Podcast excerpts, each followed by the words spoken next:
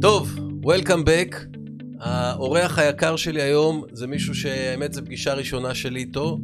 אה, ואם, זה אחד משתיים, א', לא כדאי לכם להסתבך איתו בלילה באיזה מקום, מצד שני, אם אתם הולכים בלילה באיזשהו מקום, כדאי שהוא יבוא איתכם. אז שלום לאריק זאבי. אהלן יואב.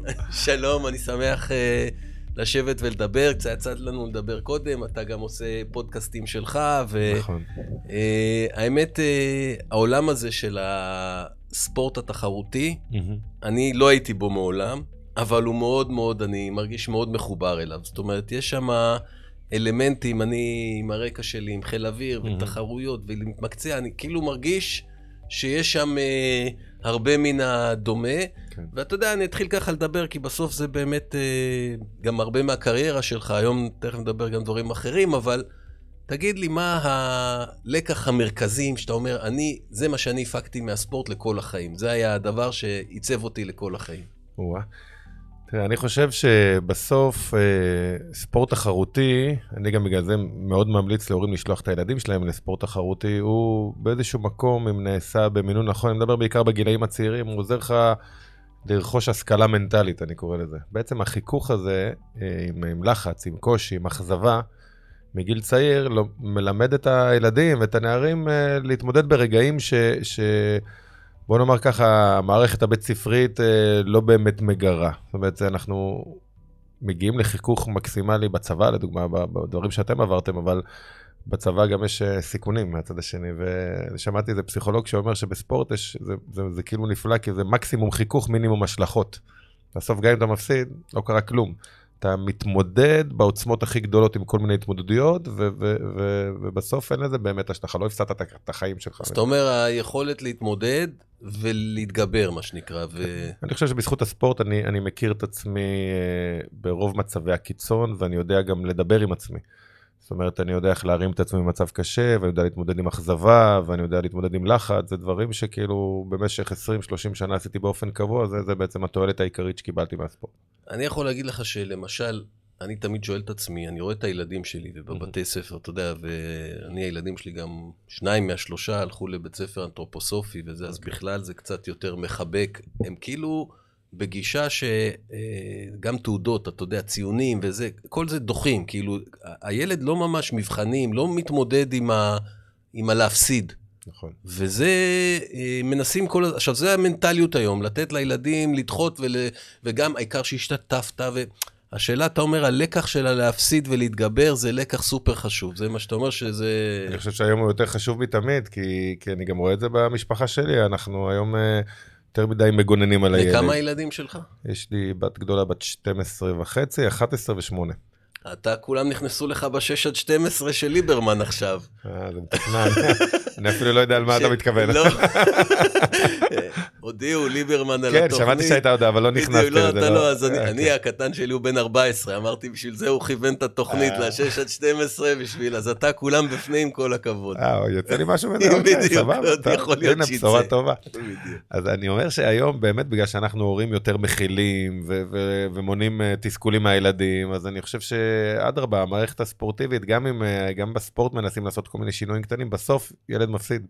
והוא צריך לדעת להתמודד עם יתמודד, הוא יתמודד, כי הוא רואה שזה בסדר, שמפסידים וממשיכים הלאה, והוא זה. יתלחץ. אבל היום גם אפילו נותנים מדליות למפסיד, אתה יודע, כאילו... תשמע, פה אני, אני, אני קצת חלוק, כי, כי מצד אחד יש בזה משהו, אה, בגילאים המאוד צעירים לא צריך ישר להגיד מי מנצח, מי מפסיד, כי הרבה פעמים בשם הניצחון או ההפסד אתה מחמיץ את הדרך. אתה מבין? כי, כי, כי ילד כל כך רוצה לנצח והוא לא מבין ש, ש, שבדרך צריך לרכוש טכניקה והרגלים. אז, אז בגילאים הצעירים מאוד אין בעיה שכולם יבואו, כי, כי גם לשכך את זה, אתה אומר, אבל בסוף כן. זה חוויה שחייבים לעבור. אני גם חושב שבטח בג'ודו, שזה ענף מאוד uh, קשה רגשית, יש המון לחץ, כי אתה מתמודד מול מישהו, אחד מול אחד, זה כאילו, זה מאוד קשה לילדים. מי שבא ומתחרה, יש לי משפט כזה, אני כל פעם אני מוסיף לך משהו עשיתי, הוצאתי ספר ילדים לא מזמן, אז ויש לי משפט שאני הכי אוהב מהספר, שאני אני בעצם אומר, מי שעולה על מזרן ומתמודד, אף פעם לא יכול להפסיד. זאת אומרת, עצם זה שבאת והתמודדת, זה לא פשוט לילד לבוא ולהתמודד. אז, אז, זה, זה מראה על כוח נפשי כן, מסוים, כן. על יכול- פיזי בתוצאות. אבל גם היכולת להתמודד היא... חד משמעית, כן. והזכרת לי, דיברת על להפסיד, אני מקווה שאני לא מסגיר פה סודות של הבן הגדול שלי, כשהוא היה קטן הוא לא היה מסוגל להפסיד, בכלום, לא משנה מה אתה לא עושה, כאילו, היה מפסיד, היה נכנס לדיכאון. מאוד תחרותי. עכשיו, כן. אני לא יודע מאיפה הוא קיבל את זה, אני לא יודע מאיפה זה קרה, אבל היה ממש אירוע של ללמד כן. אותו להפסיד ולהתגבר ולהמשיך, ולא... לא, צריך לעשות הבדל קודם כל. זה שהוא שונא להפסיד זה בסדר גמור. זה לא שאני אוהב להפסיד. כאילו, ברור, אף אחד לא אוהב. הכל. בסדר. השאלה, אה, איך אתה צומח מזה אחר כך? יש שתי שאלות. אחת, אם בגלל שהוא כל כך מפחד להפסיד הוא נמנע מלהתמודד, שזה צד אחד שזה מאוד גרוע, יש ילדים שכל כך מפחדים להפסיד אז הם פשוט לא מתמודדים. ויש את הצד השני, מה קורה אחרי ההפסד. אם אתה פתאום שובר את הכלים ופורש, אז זה גם לא טוב. אבל אם אתה מפסיד, מתעצבן, ואחרי זה ממשיך הלאה, אז בסדר, אז הכל טוב. איך אתה הגעת לג'ודו באמת? באיזה גיל זה תפס אותך? אני התחלתי להתאמן בכיתה א', כי אז לא היה ב- בגילאי גן. איפה איפה גדלת? ב- גדלתי בשכונת פרדס-כץ בבני ברק. אה, פרדס אוקיי. כץ זה שכונה שצריך שאני- לדעת ג'ודו, לא? כן. זה כאילו... אני, כן. האמת, בקריית הרצוג, אם אתה מכיר, יש, אה, אתה עובר את הכביש, אתה פרדס כץ, ואני נכון. קריית הרצוג. אז תמיד אה. כשהייתי אומר קריית הרצוג, אומרים לי, מה אתה משחק אותה, אתה פרדס כץ? אז אני כבר אומר פרדס כץ. בדיוק, שלא יהיה זה. התחלתי להתאמן במתנ"ס בפרדס כץ. הסיבה שמצאתי את עצמי בג'ודו, כי המאמן היה שכן שלי. אז האחים שלי התחילו לפניי, ואני אחריהם. בעצם כל הספורט הישראלי הוא די מקרי. אתה, זה לא שעבר... זאת אומרת, אתה אומר, אם לא היה לך את השכן הזה, לא בטוח שאתה בג'ודו. כן, אם לא היה- היינו יודעים על הקריירה של... נכון. אה, אם הוא היה מאמן קראטה, אז הייתי בקראטה, קראטה זה לא אולימפי, אז לא הייתי ספורטאי אולימפי. גם אם הוא היה מאמן בענף אולימפי שלא מתאים ליכ- ליכולות הגופניות שלי, כי היום מבינים כמה חשובה, כמה חשוב האיתור הספציפי. זאת אומרת, אה, לאו מסי הגדול, אם הוא לא היה בכדורגל, הוא לא היה כזה גדול. ברור. הוא היה בטח טוב, כי הוא מוכשר, אבל זה לא מסי, וגם מייקל פלפס מחוץ לבריכה. זאת אומרת, ההתאמה הזו בין היכולות של הילד, ממש ילד, כן. לבין הספורט הספציפי המתאים. נכון. אתה היום עוסק בזה? אתה עושה עם זה משהו היום? זה בעצם מה שאני עושה, אני מנסה למצוא דרך שלראשונה בספורט הישראלי איזשהו תהליך שהוא מוסדר, משלב האיתור, פשוט לאתר ילדים שמוכשרים בספורט. זה נשמע מאוד פשוט, אבל אה, שתבין שנגיד 70% מהבנות שאיתרתי עד היום לא היו בספורט לפני כן. בנות לא עוסקות בספורט תחרותי בארץ. אם הן כבר עוסקות בספורט תחרותי, זה בדרך כלל אה, בענפים שהם אה, נשים, התעמלות אומנותית, שחייה, דברים שהם אז אתה נתפסים. מדבר על בנות בג'ודו בעיקרון? לא, או- לא רק בג'ודו, זה בכלל בענפים אולימפיים. האיתור הוא איתור פיזיולוגי, ריצה מהירה, קפיצה מהמקום, קורדינציה, רק לבדוק מי, מי מתאים ומותאם. אז, אז האיתור, וגם בפריפריה, נגיד בבית ספר הערבי ביפו, שיש לי שם פרויקט, רק שלושה ילדים מתוך ה-70 שמצאנו, היו לפני, לפני שאיתרתי אותם בספורט, בכדורגל. במגזר הערבי יש רק כדורגל. זאת אומרת, אם אתה לא טוב בכדורגל, אתה לא עושה שום אין ספורט. ספורט, כן. אז קודם כל האיתור. אחרי שאתה מאתר, אתה, אני בעצם נותן להם אה, שש שעות ספורט בזמן בית ספר, בשלושה ענפי ספורט אולימפיים שונים. Uh, המטרה של זה היא כפולה אחת, כל המחקרים מראים שבגיל צעיר, הילד צריך לעשות כמה שיותר uh, פעולות גופניות שונות, זה בעצם ככה הוא מעשיר את ההשכלה התנועתית שלו, זה כמו שבנגינה בהתחלה אתה מנגן על הרבה כלים. קורדינציה וכל. היכולת... אה, גם כדורסלן, זה יעזור לו מאוד אם הוא יעשה אתלטיקה ויעשה ג'ודו, כאילו זה ישפר אותו בכדורסל. והדבר השני זה גם לחשוף אותם לענפים שהוא, שאולי הם לא היו עושים לפני כן, כי בסוף איך אתה יודע שאתה טוב בג'ודו אם לא התנסית בו, איך שאתה יודע... ויש לי מלא בנות שאומרות, לא, לא, אני, לא, רוצ- אני מכריח אותם גם לעשות ענף כדור אחד. לא, לא רוצה כדורסל, אני לא טובה, פתאום היא אומרת, וואלה, אני טובה. כאילו, תראה, זה- אני חושב על זה, זה מדהים, כי הרבה מלאן שאנחנו מתקדמים והולכים, הנה, כמו המורה שלך לג'ודו, מהמם. נובע מהמקום, ש... מהסביבה שלך, מה... מאותה קופסה שנמצאת, ובאמת, אה, בטח כשמדברים על פריפריה, ילד, אם הוא נמצא היום ברמת אביב, או נמצא ב... לא יודע, אני לא, בלי לפגוע, אופקים, או לא כן. משנה, ההזדמנויות שלו הן שונות, בהגדרה. ואתה מנסה לגשר על הדבר הזה ולאפשר את הפתיחה, ו... בדיוק. אני חושב שזה סופר חשוב. אני לא יודע מקצועית, זה לא פשוט לעשות את זה, כי אני לא יודע אם יש מודל עולמי, או אם למדת ממודלים בעולם. זה, אני- כן, זה, אני- זה יכול להיות כלי, דרך אגב, לא רק בספורט, אתה יכול לעשות את זה ב... זאת אומרת, אנחנו חייבים כ... כמדינה לתת את הכלים תראה, האלה, בצבא גם עושים בחינוך. את זה. הצבא זה כאילו, זה כאילו אתה המקום. מאתר ילדים, אתה עושה להם מבחנים, תחשוב כמה דברים עברת עד שהגעת להיות uh, טייס קרב, עוד מסלול, זה, זה מלא, ובספורט, נכון. זה איפה גרת, זה, זה במק... זהו. נכון. וגם בספורט, הבעיה העיקרית השנייה, שגם האוריינטציה, בדרך כלל כשאתה מתחיל ספורט, נגיד שהוא מתאים לך, ספורט צריך להתחיל בגיל מאוד מוקדם, אתה לא יכול נכון. לחכות ל-18. אבל גם אם, אה, גם אם במקרה ענף הספורט הכי מתאים לך נמצא ליד הבית, אבל מי המאמן שלך? בדרך כלל גם האוריינטציה בארץ הספורטיבית היא מאוד חוגית. אה, המאמן מתפרנס מכמות הילדים, הוא לא באמת מאמן מקצועי, אז, הוא- אז הוא מנסה שכולם יישארו כמה שיותר, שיהיה מאוד נחמד, כמו, קצת כמו בכיתה יכול- רגילה. בכלל כל העולם הזה של חוגים זה עולם שהוא יותר פנאי, הוא לא ממש מכוון לתחרותי, ספורט תחרותי. שזה אומרת, זה בסדר עד גיל מסוים, אבל אין מערכת מקבילה של מצוינות. לדחוף אומרת, את המצטיינים. אין כזה דבר. זאת אומרת, זה נשאר חוגי עד שאתה מגיע לנבחרות ישראל בגיל 17 בערך, ושם זה כבר יותר מקצועי, אבל, אבל עד לשם, זה מאוד לא מקצועי, ובדרך כלל גם המון נופלים בין זה הכיסאות. גם שנים סופר קריטיות. אתה רוצה שהילד בגיל 17 כבר יהיה מקצוען. אז הוא לא יכול לחכות ל-. להתחיל את הקריירה המקצועית בגיל 17. שלב ההתמקצות אמור להיות ב-12-13 נכון, ממש, כן. נכון. כן, כן. וזה גם מש... מש... משאבים, ו- ואיך אתה רואה את המשפחות? המשפחות כאילו וואו. זה- תומכות? נגעת בנקודה... אני כתבתי, אחד הפוסטים היותר אה, נקראים שלי היה פרדסקטו צפון תל אביב. כי היום אני גר בנאות אפקה, ואני מאמן בצפון תל אביב, יש לי קבוצה ג'ודו מאוד מאוד חזקה, וכולם ילדים מצפון תל אביב, כמעט כולם. ואנחנו גדלנו על, ה... על המחשבה הזאת שאם תיקח ילד מפרדס כץ, אז, אז ברור שהסיכויים שלו להצליח יותר טובים מצפון תל אביב, כי הוא קשוח, והוא רוצה... מחוספס. כן, ובסוף אני יכול להגיד לך שסטטיסטית, ואני חש את זה על בשרי, הרבה יותר קל להצליח מצפון תל אביב, גם בספורט. למה? זה נכון שסטטיסטית יש יותר קשוחים בפרדס כץ מצפון תל אביב, ברור, אבל בסוף גם בצפון תל אביב יש קשוחים, זה מאוד תלוי בבית. יש אה, ילדים, יש לי ילדים, הורים מאוד הישגיים, תחרותיים, הילד תחרותי, כמו שתיארת את הבן שלך, לא מוכן להפסיד. ומה שיש במקומות יותר טובים, אה, זה בדרך כלל מעטפת יותר טובה, ואני לא מדבר כלכלית, אני מדבר על זה שהורים, ב... אני אומר את זה בהכללה, כן, כמובן, ברור, זה הכל בסוף, כן. יש וריאציות, זה ברור. בדיוק. כן. הורים בדרך כלל אה, אה, מבינים במקומות האלה בצפון תל אביב, שגם אם הילד לא יהיה ספורטאי אולימפי בסוף, אבל זה שהוא הוא מתמסר לענף, והוא משקיע, והוא מתאמץ, ו- ו- והוא מתמודד עם הלחץ. זה טוב לאופי של הילד. בדיוק, זה יעזור לו גם אם לא יהיה ספורטאי. ובדרך כלל במקומות הפחות טובים, הוא אומר, אה, אם הוא לא כישרון, על מה יצא לו מזה? כאילו, הם לא מצליחים לחשוב על הטווח הארוך, ואני נתקל בזה עם העמותה שלי, כי כשאני מרים פרויקט, נגיד, איך ב- קוראים לעמותה? הקרן למצוינות אולימפית בישראל. אה, כשאני מרים פרויקט, ב... עשיתי נגיד בבית ספר של הילדים שלי בצפון תל אביב, יש אה, 70-80 מורים בשכבה, שאני עולה לזום להסביר מה הפרויקט, עולים 70 מורים, להקשיב. רבע שעה, בוא נשמע מה הוא אומר, מעניין, לא מעניין.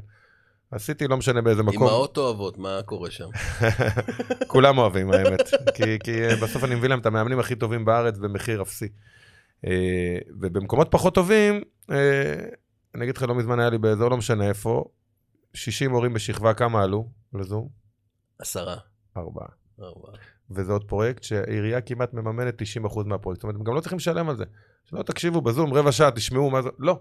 עכשיו, אני מניח שיש כאלה שהם גם שורדים, שהם פשוט לא פנויים לזה, הם לא יודעים מזה מרוב שהם הם עסוקים. עסוקים. אבל אני בטוח שיש כאלה שאומרים, טוב, מה, מה זה משנה, יהיה, יהיה, לא באמת מבינים את המשמעות הזאת לעומק. ו- ועל זה אני מדבר, זה המעטפת, ויש לי גם פרויקט ריצה ב- לקהילה האתיופית, ואני רואה שם כמה קשה, אנחנו משקיעים המון המון זמן, לא רק באימון עצמו עם, עם המאמנים הטובים, אלא גם בתמיכה של הבית. בדיוק להביא אותם מהבית ולבדוק איך הם בבית ספר, כי אחרת אם אין לך מעטפת תומכת, אתה לא תצליח, לדעתי בכל תחום, כן? זה מאוד קשה. אז אתה עוסק היום בעיקר בילדים, נוער, לספורט, זה, זה, זה בעצם עיקר המעטפת, או שיש עוד דברים שאתה... כן, אני בעצם, אה, זה מצחיק, אני... כשפרשתי זו הייתה באמת נקודת מפנה, שאתה צריך להחליט מה אתה רוצה לעשות. דרך אגב, אני טיפה כן. יותר מבוגר ממך, אני היום בן 53. אוקיי. אני חייב לומר לך, אני כאילו נהניתי מההישגים שלך, אתה יודע, אני בגיל שיכולתי לשבת, לראות. את האולימפיאדה, את הזה ואת ה... אז אני חייב לך תודה על השנים ש... שהבאת לנו באמת הרבה מאוד אה, כבוד, ו... תודה. אה, וזה מעניין. לצערי, בתקופה שלי לא שידרו את כל התחרות, רק אולימפיאדות. היום משדרים כל גרנד סלאם, גרנד פרי, אז יש... היום יש לך בערוצים את כל מה ש... כן, כן. נכון, נכון. אז אה, איפה היינו בכלל? לא, אז אמ- דיברנו על... אה, על מה אני מתפרנס, כן. כן. תראה, אני בעצם, ההרצאות, הפרנסה העיקרית שלי זה הרצאות. Mhm. אני עושה בעצם איזושהי סוג של הקבלה בין אה, התמודדות מעולם הספורט לעולם העסקי, בדרך כלל לעולם העסקי. אז מה, לחברות כאילו אתה לוקח כן, את זה? לחברות, האמת שאני מרצה המון בחיל האוויר, שתדע, אני גם קבוע בקורס אימון מתקדם, אני חלק מהקורס, כאילו, אני מגיע טוב, קבוע לא- לחצרים. אה, באמת? כן, כן, כן, כן. טוב, אז אתה תפגוש מישהו, אני אספר לך אחר כך את מי אתה תפגוש שם. אז אני עושה הרבה הרבה. עכשיו הגעתי מההרצאה לצבא, לפום, למפקדים בפום. אה, בגדול, אני, אני, נקודת המוצא שלי בהרצאות, שבסוף אה, אה, כולנו מתמודדים עם אותם דברים. רק הרקע משתנה. כאילו כשאתה נכשל, מה זה משנה במה נכשלת? זה משנה מקצועית, כן? מבחינה אישית, הצריבה היא אותה צריבה, והדרך אז להתמודד אתה עם... מדבר על, על איך מתחקרים, איך משתפרים, איך באים חזק עוד פעם לפעם הבאה, איך כאילו... אז על ה- תחקור זה אירועים שאתה מחיל האוויר, כן, כן. זה, אני האמת נותן דוגמה, כי אני, אני, אני חושב שבהיבט הזה חיל האוויר זה דוגמה מצוינת, הנושא הזה של לבוא אפילו לתחקר משהו שהצליח. נכון, כל זה- דבר מתחקרים. זה דמיוני, כי אני באתי מהספורט, אחרי, אחרי כישלון אין תחקור, אז אחרי הצלחה, חגיגות, אף אחד לא מעניין אותו כלום. וגם אם ההצלחה היא חלקית, אז, אז, אז, אז זה אני גם נוגע בזה, אני נותן את חיל האוויר כדוגמה, כי אני לא מומחה בתחקור, אבל אני מדבר על איך אה, אתה מרים את עצמך ממשבר, ואיך אתה מתמודד עם לחץ, ו... ועם הזמן בניתי לי גם סדנה, וכאילו אני ממש גדל ב, בתחום הזה. אז זה מאפשר לי ההרצאות בעצם לעשות דברים שאני מאוד אוהב. קודם כל לאמן, אני מאמן ג'ודו תחרותי, אני לא מאמן חוג, שזה פריבילגיה שיש לי, כי אני לא מתפרנס מספורט, ואני יושב ראש המכבייה, זה גם תפקיד בהתנדבות. ויש את העמותה שאני ממנכ"ל. יושב ראש המכבייה זה, אתה עובר על זה ככה על הדרך, כן. אבל uh, עוד מעט uh, יש uh, מכבייה, יגיעו... כן. אמרת לי קודם שדיברנו שההחלטה האחרונה של הממשלה הקודמת היה גנץ וביבי הצליחו כן. להסתדר כן. על המכבייה, את זה לפחות נכון, הם הצליחו... אה, נכון, זה ממש החלטה, אפילו אני זכרתי את הסעיף איזה תקופה, כי אנחנו חיכינו, פחדנו שזה לא יאושר. אם ו... זה לא היה מאושר, זה... אתה לא יכול להתחיל. בדיוק, זה... זה... זה... כמה שנים אתה בתפקיד שם? לא, לא הרבה, אני שנה ומשהו. אז אה, אתה לא, אין לך את האירוע הנוראי של הגשר לא, וכל לא. זה, זה... תראה, ההחלטה... ההחלטה למנות אותי ליושב ראש המכבייה היא, היא לא טריוויאלית, זאת אומרת, זה במשך שנים היה, קודם כל אנשים הרבה יותר מבוגרים, 60 פלוס כזה, בדרך כלל כאלה שצמחו מתוך מכבי, מתוך התנועה. ואמיר... ישראלים זה היה תמיד, או שזה... אה, תמיד, אה, יושב ראש המכבי הזה ישראלי, יש יושב ראש מכבי העולמי אה, שלפעמים אוקיי. מוזר, ויש נשיא כבוד, שזה בדרך כלל ראשי הקהילה בארצות הברית כזה. והייתה מחשבה, יושב ראש מכבי העולמי, אמיר פלד, הוא פתאום, הם רצו בעצם אפשר, לה, אפשר להגיד לקפוץ שני דורות קדימה, גם המנכ"ל וגם ראש המטה וגם אני, כבר אנחנו בשנות ה-40. אה, זאת אומרת, רצו להצהיר, בכלל יש כוונה במכבייה הזאת אה, סוף סוף לפנות לקהל הישראלי, כי מכבייה בעיני הישראלים... נתפס שהם באים, היהודים באים לארץ, בדיוק, כאילו. זה גיל 30, 35 ומעלה זה אסון הגשר, אה, גיל 30 ומטה לא יודעים מה זה בכלל, זה, זה בערך מתחלק ככה. ו, וזה חבל שהם לא יודעים, כי זה אירוע מטורף. כי זה 30 אלף יהודים, גם אם היו באים פה לנגן בחליל, 30 אלף יהודים, שבועיים. זה אירוע מטורף. זה, זה ו... גם ו... לכלכלה, גם לחיבור ליהדות העולם. אז עזוב שזה גם מגיעים ספורטאי על, חלקם, אבל, אבל זה מדהים שאף אחד לא מכיר את זה, ואנחנו... לא, זה, זה כן. סופר קריטי. כן. אני חושב שאחד האתגרים היום שלנו במדינת ישראל, החיבור ליהדות התפוצות, שאנחנו ב... באמת עומדים מול אתגרים עצומים, אם זה ה-BDS ואם זה השונות הבסיסית בכל הקהילות, ולקחת את הדבר הזה ואירוע כמו המכבייה שסביב ספורט יכול לחבר ולהביא אותם ולייצר גם פה זהות. הרי כל יהודי שמגיע לפה, בטח אם זו פעם ראשונה שלו, יש לו דלתא עצומה בהיכרות שלו עם ישראל, היכולת שלו לנהל שיחות אחרי זה ולהסביר, זה, ולכן אני חושב שזה פרויקט מדהים, אה, לא קל.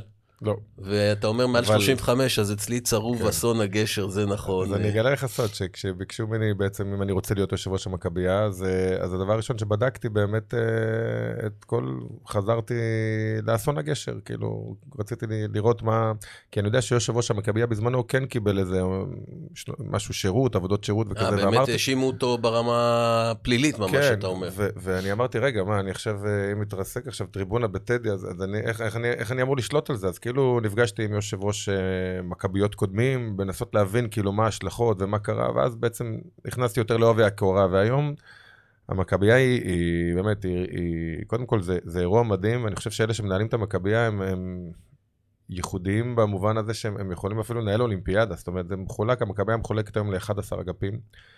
אה, כל אגף מתמחה במשהו, יש אגף uh, IT ואגף תחבורה ואגף ספורט כמובן, ויש את אגף ביטחון. שבני בן ארי, קצין מילואים ראשי, הוא המנהל שלו, והיושב ראש זה, זה ניצב במשטרה, זאת אומרת, לכל אגף יש מנהל בשכר ויושב ראש בהתנדבות, נגיד אגף הטקסים זה נועם סמל מהבימה, זאת אומרת, אנשים מאוד מאוד רציניים, וכל אגף יש לו, הם פרוטוקולים, יש לנו אה, מהנדס שבודק את כל המהנדסים של הספקים, זאת אומרת, הכל... היה הפקת לקחים עצומה מהאירוע הזה. הפקת לקחים אדירה, ו... ו... ואני באמת חושב שהאירוע הזה הוא, הוא אירוע חשוב למדינה. אני, הדבר הראשון שאמרתי בפגישה הראשונה שלנו במכבייה. אני זוכר כשאני הייתי ספורטאי, ויש טורנירים שהרי חוזרים על עצמם כל שנה. וכשאני הייתי מגיע, נגיד, לא יודע, להתחרות בטורניר פריז, פעם בשנה, 400 ספורטאים בסך הכל מגיעים לשם, מנהלי המסעדות והבתי קפה מסביב לאולם היו אומרים, אה, חזרתם, איזה יופי, אפילו זכרו אותי. כאילו התלהבו ש-400 עכשיו בסוף שבוע הזה, 400 אה, איש עומדים לבלות אצלם במקומות. איך זה יכול להיות ש-30 אלף איש מגיעים לפה, יהודים, אוהבי המדינה, ואף אחד, וזה עובר לך ליד האוזן, כאילו, זה... זה, זה דווקא יכול להיות שזה בגלל פעם בחמש אתה יודע, ארבע, כמה זה? חמש ארבע שנים? ארבע, ארבע כן. שנים, אז כאילו התדירות אבל עדיין, זה, זה בסוף אתה יודע אירוע, סוג, אנחנו- מגה אירוע. 150 אלף לינות, 25 בתי מלון אנחנו סוגרים, מסעדות, זאת אומרת, זה... מגה אירוע. כן, זה, זה, ועוד חלקם מעשירי העולם, וחלקם משפיעים על- בקהילה היהודית. וברמת הספורט יש באמת אנשים עם גם אה, ברמת ספורט, אה, אתה יודע, לא יכול להגיד... Level גבוה, כן. לבל גבוה, כן. תראה, הרוב לא. אה, הרוב זה יותר ספורט... אה, אני, אני אחלק את זה לשניים. קודם כל, כל, כל הספורטאים היהודים המובילים בעולם, מגיעים? אנחנו מביאים אותם לפה. זאת אומרת, המרק ספיץ, אם יש, מגיע. בדיוק. אה, במכבייה הקודמת, מי שהדליק את הלפיד, קוראים לו אנתוני ארווין, הוא היה אה, האלוף האולימפי בריו ב-50 מטר חתירה, אמריקאי.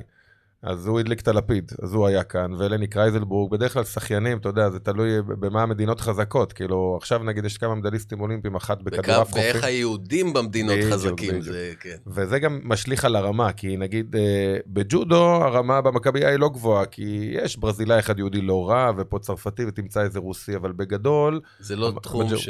בדרך כלל ענפים שהם טובים למרות בארצות הברית. שבישראל אחרי, כאילו, כן יש מהפכה. לא, מהפכה. הישראלים טובים, אני ישראלים מדבר, טובים, היהודים בעולם. יהודים בעולם, אוקיי. אז אם אתה אומר, גם פה יש שונות, כאילו. בדיוק, בדיוק. ענפים שהם נגיד אה, אה, חזקים מאוד בארצות הברית, אז הם גם טובים במכבייה, נגיד בכדורסל, יש, היה קריטריונים בשביל להגיע למכבייה, הרי בסוף הברית מביאה 20, אה, 20 בקבוצת כדורסל, היו אלפים שנבחנו, רוצים וואו. לבוא. הבנתי. אז, אז אתה בוחר 20 מאלפים, אז יוצאים טובים. אז יוצאים טובים. כן. נגיד בהוקי קרח, ישראל, אה, זה קנדה, הברית בגמר, ישראל בכלל לא סופרים אותה בהוקי קרח, כי זה. ענפים שלהם. ברור. אז זה מאוד תלוי אה, בכדורגל, הדרום אמריקאים, ארגנטינאים, ברזילאים, יש פה... יש קבוצות. תמיד מזכירים את הנבחרת הנוער שלי, אוחנה, שהפסידה כאילו לארגנטינה שם במכבייה.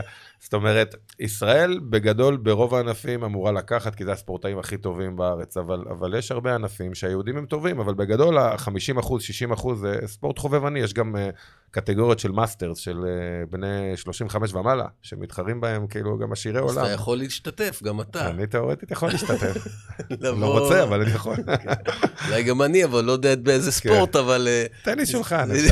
בדיוק. יש גם קטגוריית נוער, שזה מה שהוספנו לפני שני מכבאיות, זה הולך וגדל כל הזמן. מ-14 עד 18 יהיו כבר 2,500 אה, צעירים שיגיעו לכאן, שתחשוב שבגיל זה הזה... חדש? זה התחיל לפני מכבייה אחת, וזה הולך וגדל כל הזמן. בסוף אנחנו רואים שזה זה זה המקום המסה. שבו אנחנו הכי גדלים, שזה זה חשוב, מאוד, כי כן? זה עוד פעם, הנוער, דיברנו על זה גם קצת קודם, אני, בעיניי זה המהות, זה הבסיס, את זה נכון. צריך לחזק וזה העתיד. אם אתה משקיע שמה, אתה תקבל את התשומות. זה נכון שצריך סבלנות וזה ייקח לזה, אבל אם אתה לא תשקיע בנוער ובילדים. זה, אנחנו נישאר מאחור. בכל התחומים, ו... כן, צריך להגיד גם שבמכבייה הזה, הם לא רק באים ומתחרים, זאת אומרת, יש להם שבועיים שלמים תוכנית, הם מטיילים בארץ, ויש להם אינטראקציה עם ישראל. מעין תגלית כזה, כאילו עושים להם... אה, כן, סוג של, אבל, אבל עם, עם, אה, עם ממש עם משהו חינוכי, זאת אומרת, אה, יהודי שמגיע להתחרות במכבייה, הוא חווה חוויה, והוא זוכר אחרי זה את ישראל לטובה, וזה... אין אחד שהיה במכבייה ולא... יש לי אפילו חבר אמריקאי שהיה במכבייה אחת, ובשנייה הוא לא התקבל, הוא אומר, אני, אני, לא- I didn't qualify to the מכבייה, אתה יודע, הוא לא... מתוסכל אותה, מזה, כן, איך כן. הוא לא...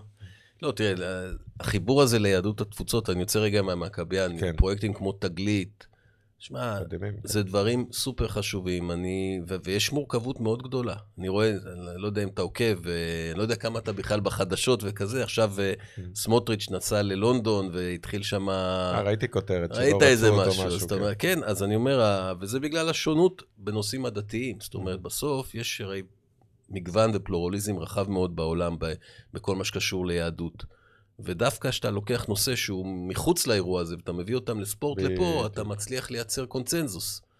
אה, אני מאוד, ב- אני חושב שאחדות העם והנושא הזה, גם בטח בבית פה אצלנו, אני, אני חושב שאנחנו עוברים משבר מאוד קשה. אני לא יודע כמה אתה מרגיש את ה... אה, כל המתחים האלה והדברים, והממשלה והאופוזיציה, ואנחנו באירוע מאוד קשה היום אה, בכנסת, אבל הנושא הזה של אחדות העם זה משהו שאנחנו חייבים, ואין ספק שאירוע כמו המכבייה הוא מאחד ומגבש וגם עושה עבודה פנימה. אה, מתסכל שאי אפשר לשמור על זה כל הזמן, זאת אומרת, כל פעם המתחים האלה צצים והוויכוחים וזה. איך אתה עם אה, פוליטיקה? זה מעניין אותך בכלל? מה... אה, קודם כל מעניין, כן?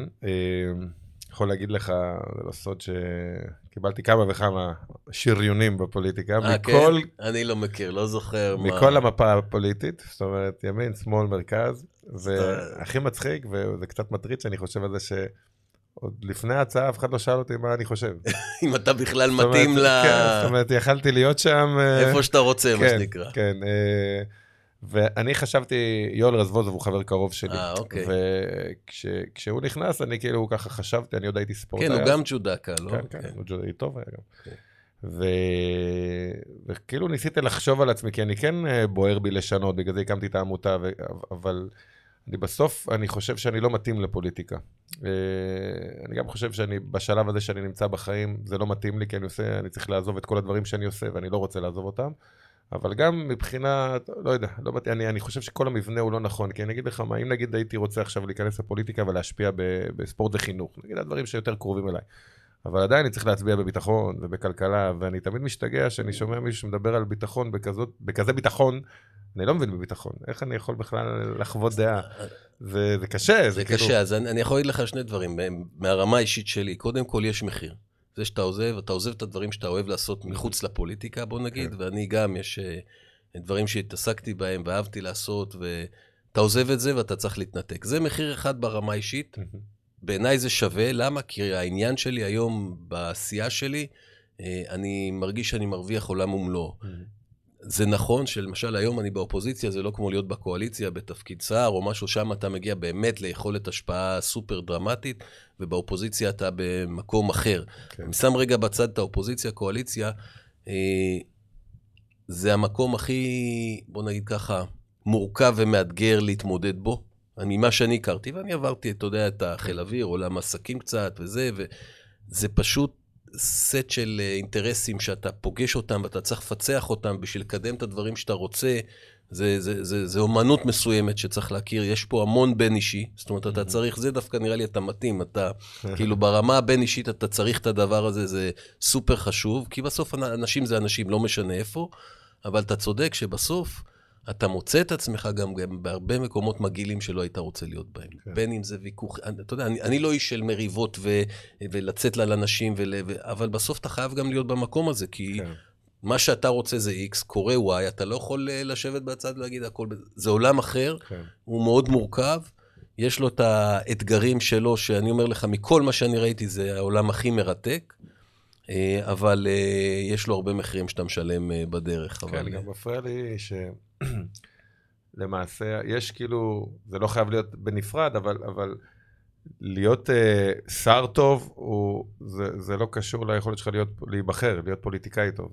אתה מבין מה אני אומר? זאת אומרת, לא תמיד, אתה לא תמיד, אה, מה שנקרא, מתוגמל על הצלחה או נענש על כישלון בדיוק, באירוע הזה. זאת אומרת, אתה לא, כאילו המדד שלנו לבחון את ההצהרה מה, מה שקורה בחוץ, והוא לא בהכרח מה שקורה בפנים. אני גם רואה את זה גם בגלל שאני שנים בספורט, אז אני רואה את זה דרך גם שרי הספורט השונים, ששם אני מבין. כי אם עכשיו יבוא שר הכלכלה, יגיד, אני השקעתי מיליארד וחצי ב... לא יודע מה, בקיבוץ, מאיפה אני יודע אם הוא השקיע? אין לי מושג, הוא יכול להגיד מה שהוא רוצה, אבל כשאומרים בספורט, אני... אני זה אתה רואה- מכיר טוב. ואני רואה שהרבה פעמים אומרים דברים שלא באמת קרו, ואנשים לא, אנשים שמעו שהוא עושה, אז זה מגניב, וזהו, וזה כאילו הוא עשה. זאת אומרת, ברור. אתה בסוף צריך להיבחר או להיראות ו- ולא לעשות. כאילו, יש כאילו פער כזה בין המהות לנראות, שזה... כמו שאומרים, אם עשית ולא תקשרת, לא עשית. כן, תקשרת ולא עשית, עשית, אתה מבין? זה עד כדי כך. התקשורת היא שחקנית, כן. סופר חשובה, כן. ומישהי דוחפת, ומי- ו- וכשאני מדבר על תקשורת, אתה יודע, זה מורכב, יש המון אינטרסים. יש זה, אבל אין ספק שזה חלק מהעולם. זה מה שאני אומר, אתה בסוף, זה נכון. אז קודם כל אני מאמין בסוף שהעשייה מנצחת. זאת אומרת, כן רואים. כשאתה עושה, רואים את זה, אה, יותר, פחות קשה, אתה יודע, אתה צריך לדעת, ל- ל- באמת מבחינתך, בשביל לקדם את עצמך, אתה צריך לראות שזה זה יבוא לבמה, אבל אני מאמין שרואים. דרך אגב, גם ברמה של הממשלה, אם טוב או רע, בסוף קשה להסתיר, אתה יודע, אני לא אכנס פה לוויכוחים על הקורונה ועל הכלכלה, לא כן. נהרוג אותך ב... כמו שאמרת, אבל בסוף אנשים רואים מה קורה ויודעים להגיד אם טוב להם, לא טוב להם, מה קורה למחירים, מה קורה פה במערכת הבריאות, וזה אה, נכון שאבל אה, לא תמיד יש קשר ישיר. זה לא שאתה הולך לתחרות, ניצחת, ניצחת, הפסדת. הפסדת, יודעים בדיוק מה קרה כן, שם. כן. זה... מערבבים אותנו כן. אה, מכל כן, לא, הכיוונים. אתה פשוט קשה מאוד אה, לנתח דברים שאתה לא מומחה בהם. אני רואה גם אה, אנשים שמנתחים תחרויות ג'ודו. יש גם כאלה היום בגלל הרשתות החברתיות, יש כאלה שלא היו בג'ודו ומנתחים, שאגב, לפעמים אני, יש אחד שאני עוקב אחריו קבוע, ואפילו כתבתי לו, אני רואה ניתוחים, מה זה מעניין? אמרתי לו, תגיד, היית ג'ודאי? הוא לא היה בחיים ג'ודאי. אבל הוא למד את העסק מה... אבל הוא לא הסתכל בזווית, אתה יודע, הוא פתאום הביא כל מיני סטטיסטיקות, וזה שאני, וואלה, לא חשבתי עליהם, וזה היה מעניין. מצד שני, אני רואה ג'ודאים שמנתחים. עכשיו, בגלל שאני מרגיש לפחות בעיני... יש לך ידע, ידע מסוים יש לך, כן. אני כאילו, אני גם חי את זה, אני גם מפרשן את התחרויות, אני, אני רואה שאנשים גם, הם, הם, הם כאילו מנתחים לא טוב, אז, אז זה עוד בענף שהם מבינים, מה קורה, איך אני יכול לנתח בכלל אה, כלכלה, טובה, לא טובה, זה, זה, אין לי סיכוי בכלל, אז אני מקשיב לצד אחד עובד ככה, הצד השני אומר אחרת. זה כן, פשוט... מה שאמרת לי, כן. שהאמת זה קצת מעציב, שאפילו לא שאלו אותך על העמדות שלך, ובאו ואמרו לך, בוא תגיע, מה לא, שנקרא. כן, רצו לשריין אותי בכמה מפלגות, ואני חושב שכמה מהם פורסמו גם, וזהו. כן, אבל אתה אומר, כרגע זה לא אתה, זה לא הכיוון. כן. יש לך יותר מדי דברים... אה, כן, אני חושב שאני אשפיע יותר אה, בפוזיציה שבה אני נמצא היום, אני חושב, אבל אה, אני גם לא יודע, גם כל ה... אני לא, למרות שהייתי ג'ודאי, אני לא כל כך אוהב את הווכחנות ואת הזה. זה, זה נכון, כן. זה, אני אומר, זה חלק כן. אה, שבא, אי אפשר להתעלם מזה. כן. ו... אבל בסוף גם כשאתה רוצה להשיג משהו ולקדם משהו, אז אין מה לעשות, זה חלק מהאירוע, כאילו. כן, כן, אני מבין, נכון. אז אה, יכול להיות שפחות פחות מתאים לי. כן. טוב, אני קודם כל חייב להגיד שמאוד נהניתי לדבר. תודה רבה. אני מאוד אשמח, אני אומר לך כבר ברמה האישית, אם אני יכול לעזור במכבייה במשהו, תרשום אותי, מה שצריך. בעיניי זו משימה סופר ערכית וסופר חשובה. שמח שלקחת על עצמך את התפקיד, זה גם... אה, כן, זה מאוד מעניין. זה מעניין, וזה גם, אני חושב שאתה מתאים לפוזיציה ולפוזישנינג ולשינוי של הדבר הזה, ובדיוק בשביל לחבר יותר צעירים ויותר uh, את הדבר, ולא איזה מישהו ככה כן. שכבר זה. תודה. יש לך המון אתגרים. אני מאוד אהבתי לשמוע על איך שאתה חושב על הנוער ולדאוג שילדים, גם בלי הזדמנויות, יוכלו לקבל את ההזדמנות. העמותה שלך, מאחל לך המון בהצלחה. תודה רבה. והיה לי כיף. גם לי, תודה רבה. אה, לחיצה רצינית.